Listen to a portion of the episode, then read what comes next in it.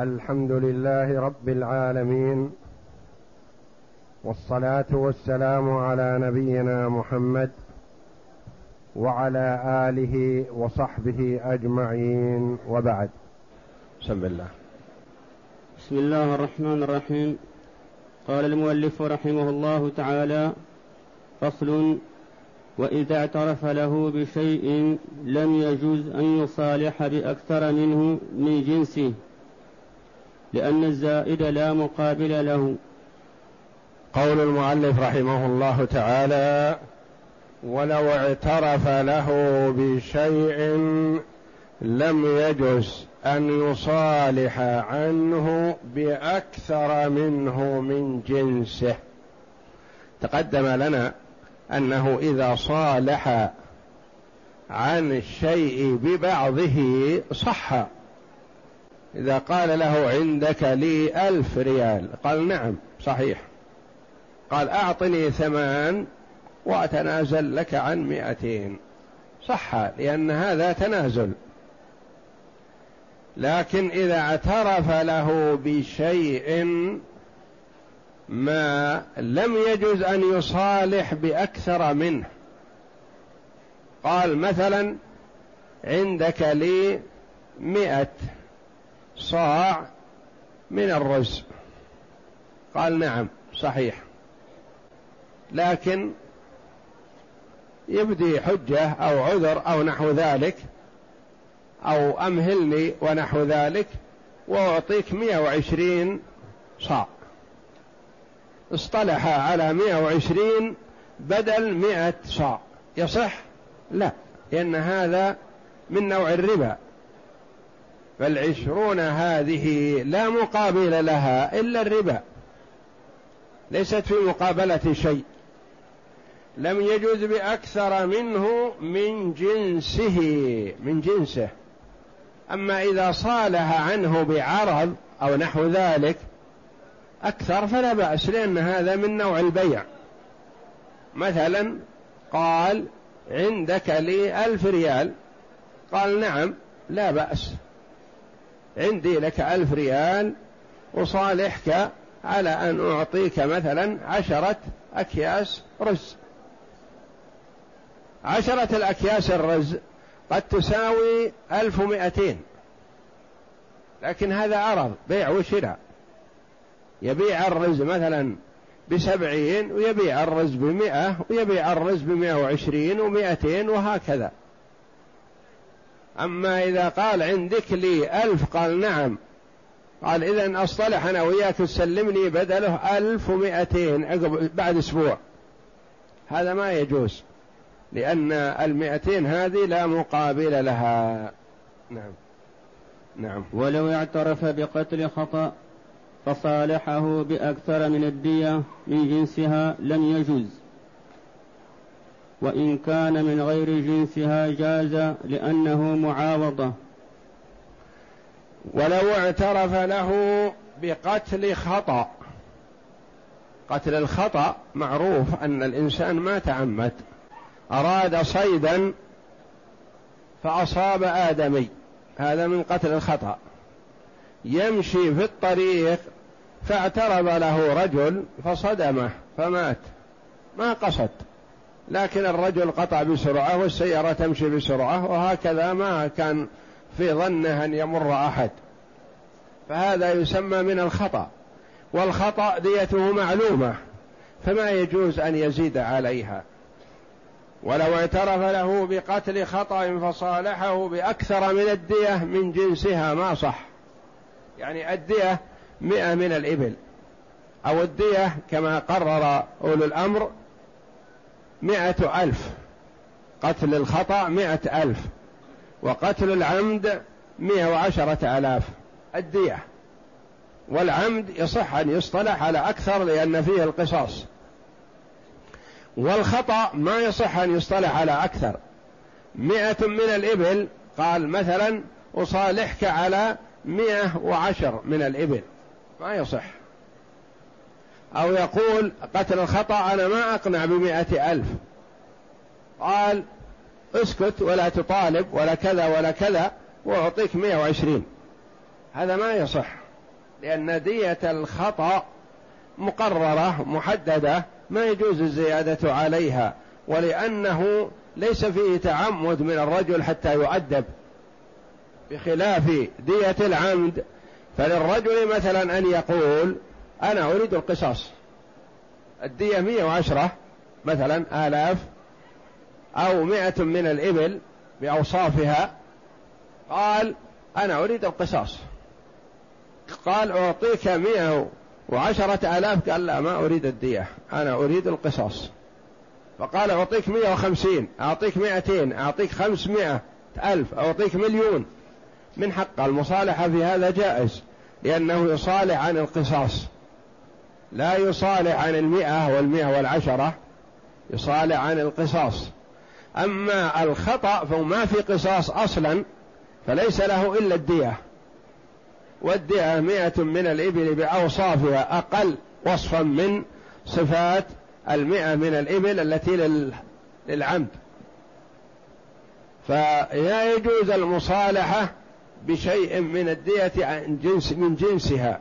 يعني قال عندك لي دية خطأ مئة من الإبل. قال لا بأس أعطيك بدلها مئة وعشرة. اصبر علي نقول ما يجوز. قال عندك لي مئة وعشرة آلاف مثلا مئة ألف دية الخطأ. قال اصبر علي وأعطيك مئة وعشرين ألف.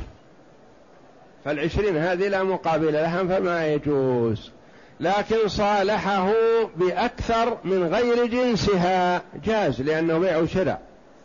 فقال له مثلا عندك لي دية خطأ مئة ألف. قال نعم لا بأس عندي مئة ألف لكن ما عندي الآن شيء. عندي هذه الأرض تساوي مئة وثلاثين ألف. مسيومة مني قبل رمضان مثلا بمئة وثلاثين ألف. أنا أعطيك إياه عن المئة التي في ذمتي. هل يجوز؟ نعم يجوز هذا لأن هذا معاوضة. عاوضه عن المئة الألف بأرض تساوي مئة وثلاثين. لا بأس بهذا. نعم. ولو أتلف شيئا قيمته مئة فصالحه على مئة وعشرة لم يجوز لذلك. ولو أتلف شيئا قيمته مئة. فصالحه على مئة وعشرة لم يجز لذلك. يعني إذا كان معروف هذا الشيء قيمته مئة. وقال أنت أتلفت مثلا بقرتي هذه المعروفة ومعروف ثمنها أنها مئة ريال مثلا صالحه على زيادة ما يجوز إذا كان من باب الخطأ. ما يجوز أن يصالحه على أكثر لأن العشرة هذه زيادة لا مقابل لها. نعم. وإن صالحه على عرض جاز وإن كثر إن صالحه على عرض مثل الدية. صالحه على عرض صالحه على المتلف كذلك. صالحه على عرض جاز لذلك لأنه من باب المعاوضة. قال مثلا عندك لي البقرة معروفة قيمتها مئة. وقال أعطني مئة قيمة البقرة. قال ما عندي. إذا ما يجوز أن يصبر له بمئة وعشرة ما يجوز. لكن قال له أعطيك هذه ثلاث شياه. ثلاث شياه. أو أعطيك كذا من الأرز أو كذا من البر والقمح أو كذا من التمر. مثلا بدل مئة ريال وأكثر وزاد له فلا بأس. لأن هذا من باب المعاوضة. نعم. وإن صالحه على عرض جاز وإن كثر لأنه بيع. لأنه بيع. لأنه يدخله البيع. يعني كأنه اشترى منه بمئة الريال التي في ذمته. قيمة البقرة المتلفة. اشترى منه ثلاث شياه مثلا أو اشترى منه عشرة أكياس رز أو نحو ذلك. نعم. ولو أجل العوض الواجب بالإتلاف لم يصر مؤجلا بتأجيله. لم يصر مؤجلا فالحال ما يصير مؤجل. إذا أتلف شيئا وطالب بالقيمة والقيمة مثلا قدرت مثلا مئة ريال قال مثلا اصطلح وإياه على أنه مئة ريال لكن ما تسلم إلا بعد ستة أشهر. نقول لا ما يجوز. ما دام أن قيمته حاضر حالا مئة ريال فالحال ما يؤجل. لكن لو صالحه على أكثر من هذا مع التأجيل قبل أن تقدر القيمة فلا بأس. نعم. فصل. وصلح المكاتب والمأذون له من العبيد والصبيان من دين لهم ببعضه لا يصح إلا إذا كان لهم به بينة أو أقر لهم به. لأنه تبرع وليس لهم التبرع. فإن كان على الإنكار صح لأن الاستيفاء للبعض عند العجز عن الاستيفاء الكلي أولى من تركه. وإن ويقول فصل وصلح المكاتب.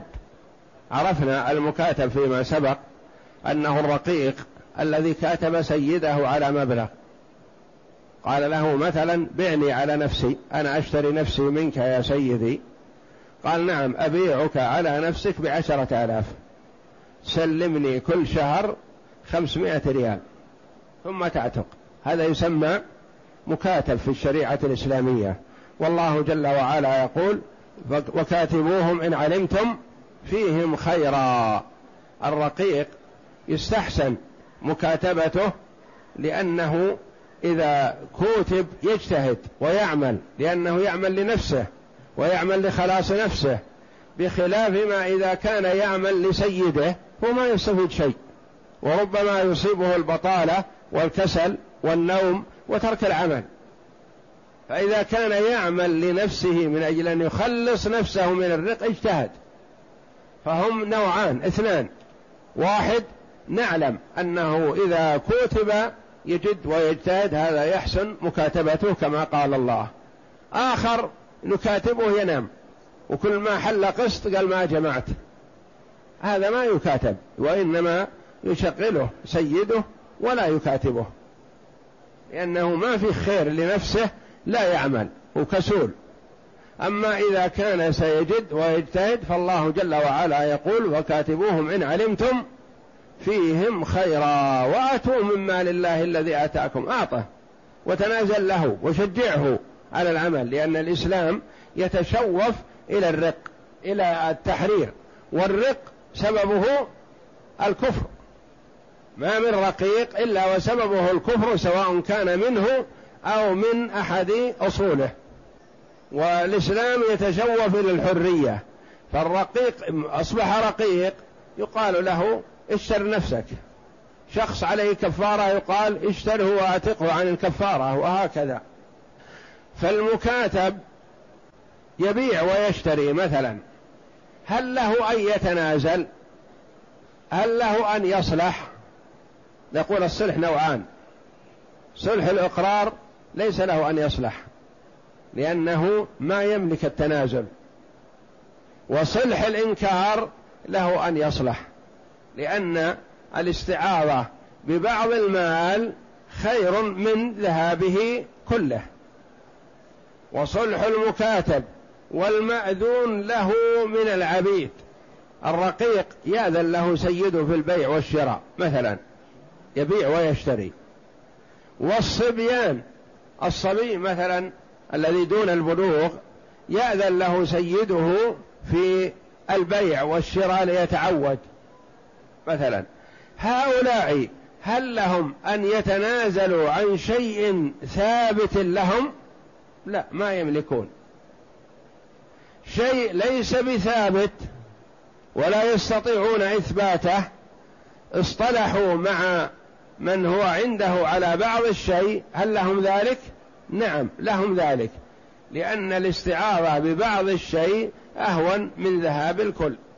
يقول وصلح المكاتب والمأذون له من العبيد والصبيان من دين لهم ببعضه لا يصح لأنه ما يملكون التنازل هؤلاء. ليس لهم ملك وتصرفهم في حدود. مأذون لهم في حدود لكن ما اذن لهم في أن يتنازلوا. إذا كان لهم به بينة أو أقر لهم به إذا أقر المدين بالمبلغ فلا يصح أن يتنازل عن بعضه. إذا كان عنده بينة على المدين فلا يصح أن يتنازل. ما عنده بينة ولا أقر هل له أن يتنازل؟ له لأنه ما يستطيع إثبات حقه والاستعاضة عن بعضه عنه عن الكل بالبعض خير من ذهاب الكل. نعم. ويصح الصلح عن المجهول الذي لا سبيل إلى معرفته. عينا كان أو دينا لما روي عن النبي صلى الله عليه وسلم أنه قال في أنه قال في رجلين اختصما إليه في موارث درست استهما وتوخي الحق وليحلل أحدكما صاحبه رواه أبو داود. وسواء ويصح الصلح عن المجهول الذي لا سبيل إلى معرفته. يصح الصلح عن المجهول الذي لا سبيل إلى معرفته. يقول تعاملت أنا وإياك منذ عشر سنوات وأذكر إن بقي عندي لك شيء لكني ما أدري هل هو كثير أو قليل ولا أذكره. لكن نحب أن نتسامح أنا وأنت قبل الممات. كم تحب أن أعطيك؟ عن ما أتوقع في ذمتي وأنا ما أدري كم. قال أعطني ألف ريال وأنت في حل. فأعطاه ألف ريال يصح. لكن إذا كان المدين يدري يدري إن عنده لصاحبه ألف ريال وقال له أذكر أنه باقي في ذمتي لك شيء لكن ما أذكره. ودي أصلح أنا وأنت قبل الممات. قال كم تتوقع؟ قال ما أدري. ناسيه. وهو يدري إنه ألف ريال. قال إذا أعطني عنه خمسمائة ريال وأنت في حل. فيفرح المدين ويعطيه خمسمائة ريال وهو يدري أن عنده وفي ذمته ألف ريال. هل يصح؟ لا ما يصح. لأن هذا بخس للحق. ولهذا قال المؤلف رحمه الله ويصح الصلح عن المجهول الذي لا سبيل إلى معرفته. ما فيه طريق إلى معرفته. مثلا عندهم عقارات مواريث ورثوها من آبائهم وأجدادهم وأمهاتهم. وهذا ورث من أبيه وأمه. وهذا ورث من أمه وزوجته. وهذا ورث من أبيه وزوجته. وهكذا. ولا يدرون نصيب كل واحد. اللي موجودون منهم مثلا عشرة. والوراث كثير وفنوا ماتوا فهذا لا سبيل إلى معرفته. قال النبي صلى الله عليه وسلم اصطلحا استهما وتوخيا الحق. يقول يقول أذكر أنني أنا أكثر منك لأني أنا ورثت من فلان وفلان وفلان وفلان ورث من فلان وفلان ورث من فلان. فالجماعة الذين أرثنا من طريقهم أكثر من الجماعة الذين ترث أنت من طريقهم. لكن نحب أن نصلح. لي ثلثان ولك ثلث.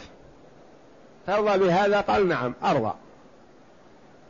فتراضيا على هذا وهم لا يعلمان المقدار ولا سبيل إلى الوصول إليها. ما في طريق لأنه شيء اندرس وانتهى ونسي. ولو طلب حصر وراثة مثلا لهؤلاء وهؤلاء ما تمكنوا. ومعروف أنها أملاك وليس فيها أوقاف ولا وصايا وإنما هي أملاك.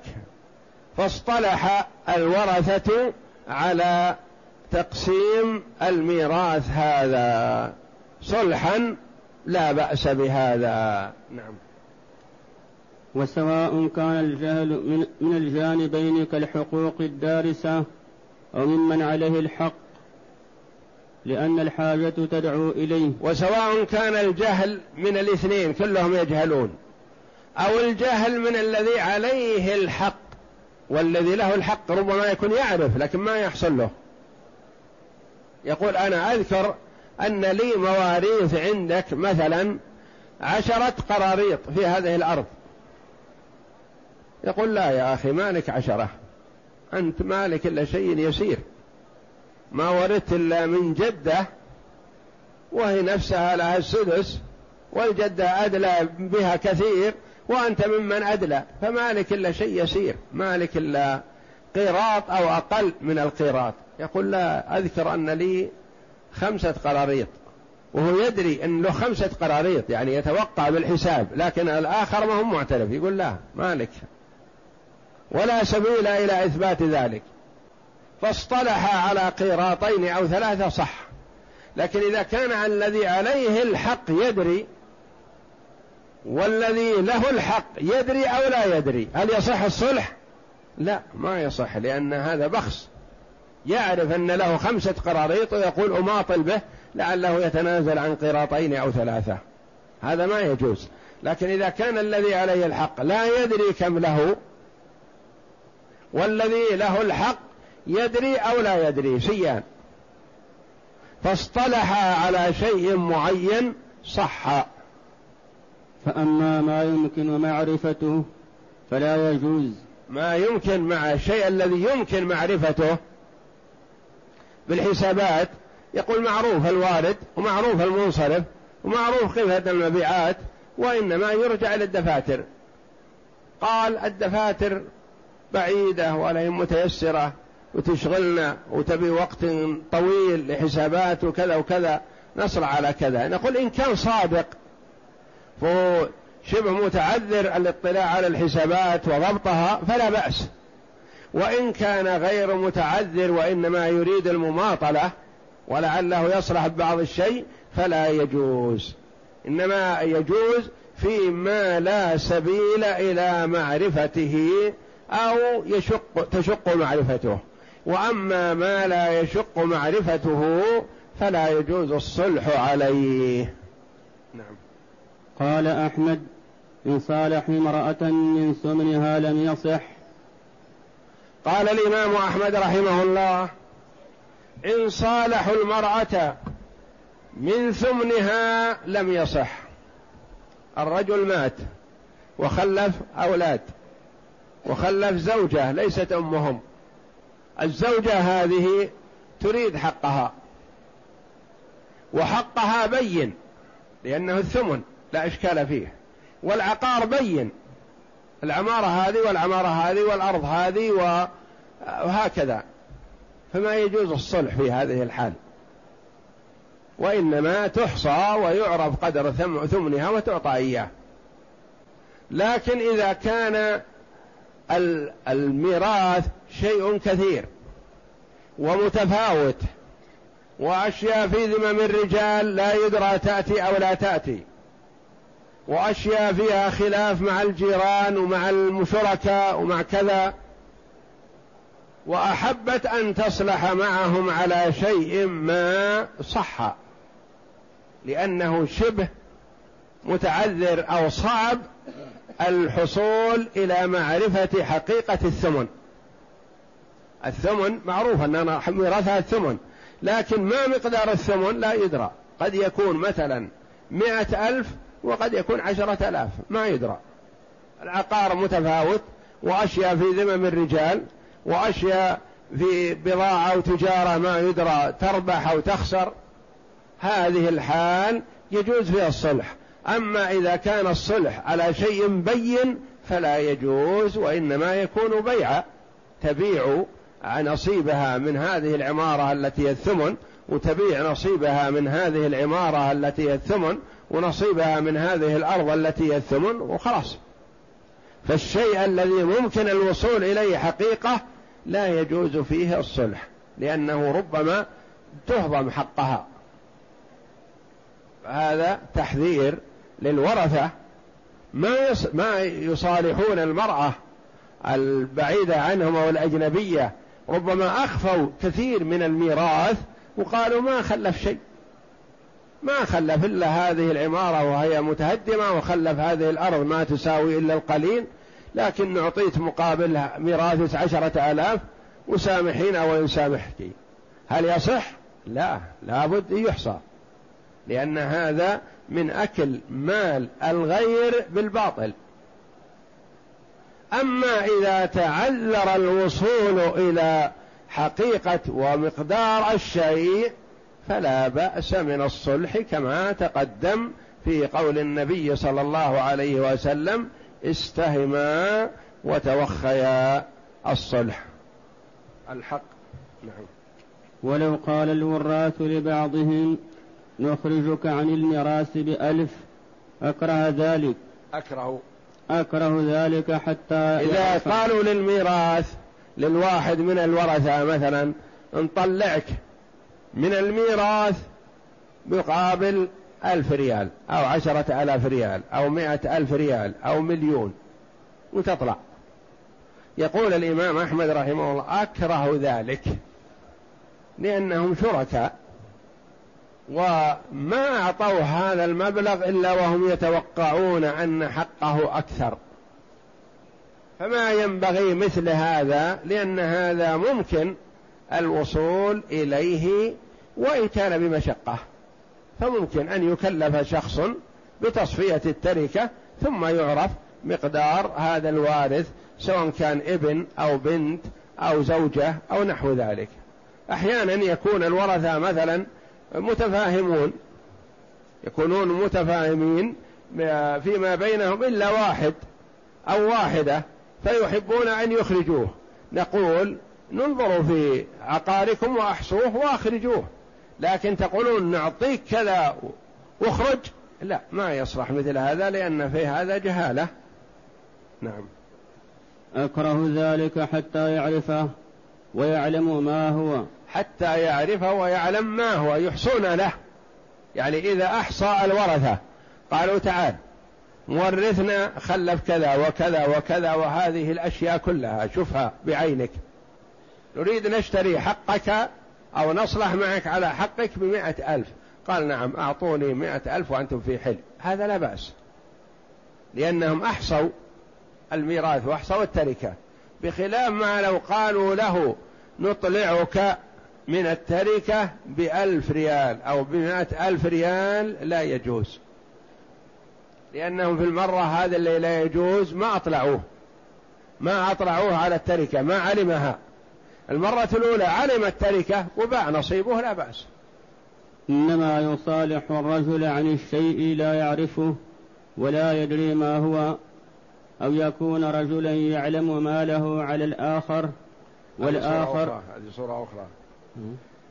يقول أكره ذلك حتى يعرف ويعلم ما هو إنما يصالح الرجل الرجل على الشيء لا يعرفه ولا يدري ما هو. يعني الصلح جائز بين الاثنين إذا كان المصالح ما يدري عن الشيء ولا يعلمه لكن إذا كان المصالح يدري عن الميراث الميراث بين يديه. ثم يأتي للزوجة التي لا تدري ويقول ما رأيك؟ أنت تريدين سفر إلى أهلك وكذا وكذا نعطيك مئة ألف ريال وسافري. واكتبي تنازل عن عن التركة كلها. هذا ما يجوز لأن التركة معلومة ومعروفة. حتى تعلم هي ذلك أو يعلم ذلك وكيلها. إذا أحصوا التركة وقالوا هذا هذه التركة ونصالحك على كذا لا بأس. لكن إذا قالوا مورثنا ما خلف كثير ما خلف إلا القليل. وكذا وزهدوا في ما خلف ثم قالوا لها نعطيك عشرة ألاف ريال نعطيك مائة ألف ريال واخرجي. ما يجوز هذا حتى يطلعوها. ويقول الإمام أحمد رحمه الله إنما يصالح الرجل الرجل على الشيء الذي لا يعرفه. أما الشيء المعروف فما ينبغي المصالحة عليه. نعم. أو يكون رجلا يعلم ما له على الآخر والآخر لا يعرف فيصالحه. أو يكون صورة أخرى. المدعي يعرف أن له كذا وله كذا وله كذا لكن الآخر ينكر. ولا يستطيع المدعي إثبات دعواه بالبينة. ولا في إقرار ففي هذه الحال الصلح جائز. يصالح وإن كان يقول لي مثلا مئة ألف وذاك ينكره يقول مالك ولا عشرة ألاف. فاصطلح على خمسين ألف مثلا صحا. نعم. فأما إذا علم فلم يصالحه إنما يريد أن يهضم حقه. أما إذا علم علم المدعى عليه مقدار التركة أو الشريك في التركة علم مقدارها لكن أراد يهضم حق المسكين الآخر. قال إن طلعت من التركة بمائة ألف ريال ويتصور أن مائة الألف كثيرة مبلغ كبير. بينما حقه أكثر من هذا بكثير. هذا لا يجوز لأن هذا من أكل مال الغير بالباطل. نعم. ولأن هذا لا حاجة إليه فلم يجوز كبيع المجهول. ولأن هذا لا حاجة إليه لأنه ممكن الوصول إلى العلم. ما الوصول إلى العلم ممكن فيكون البيع بعد علمه.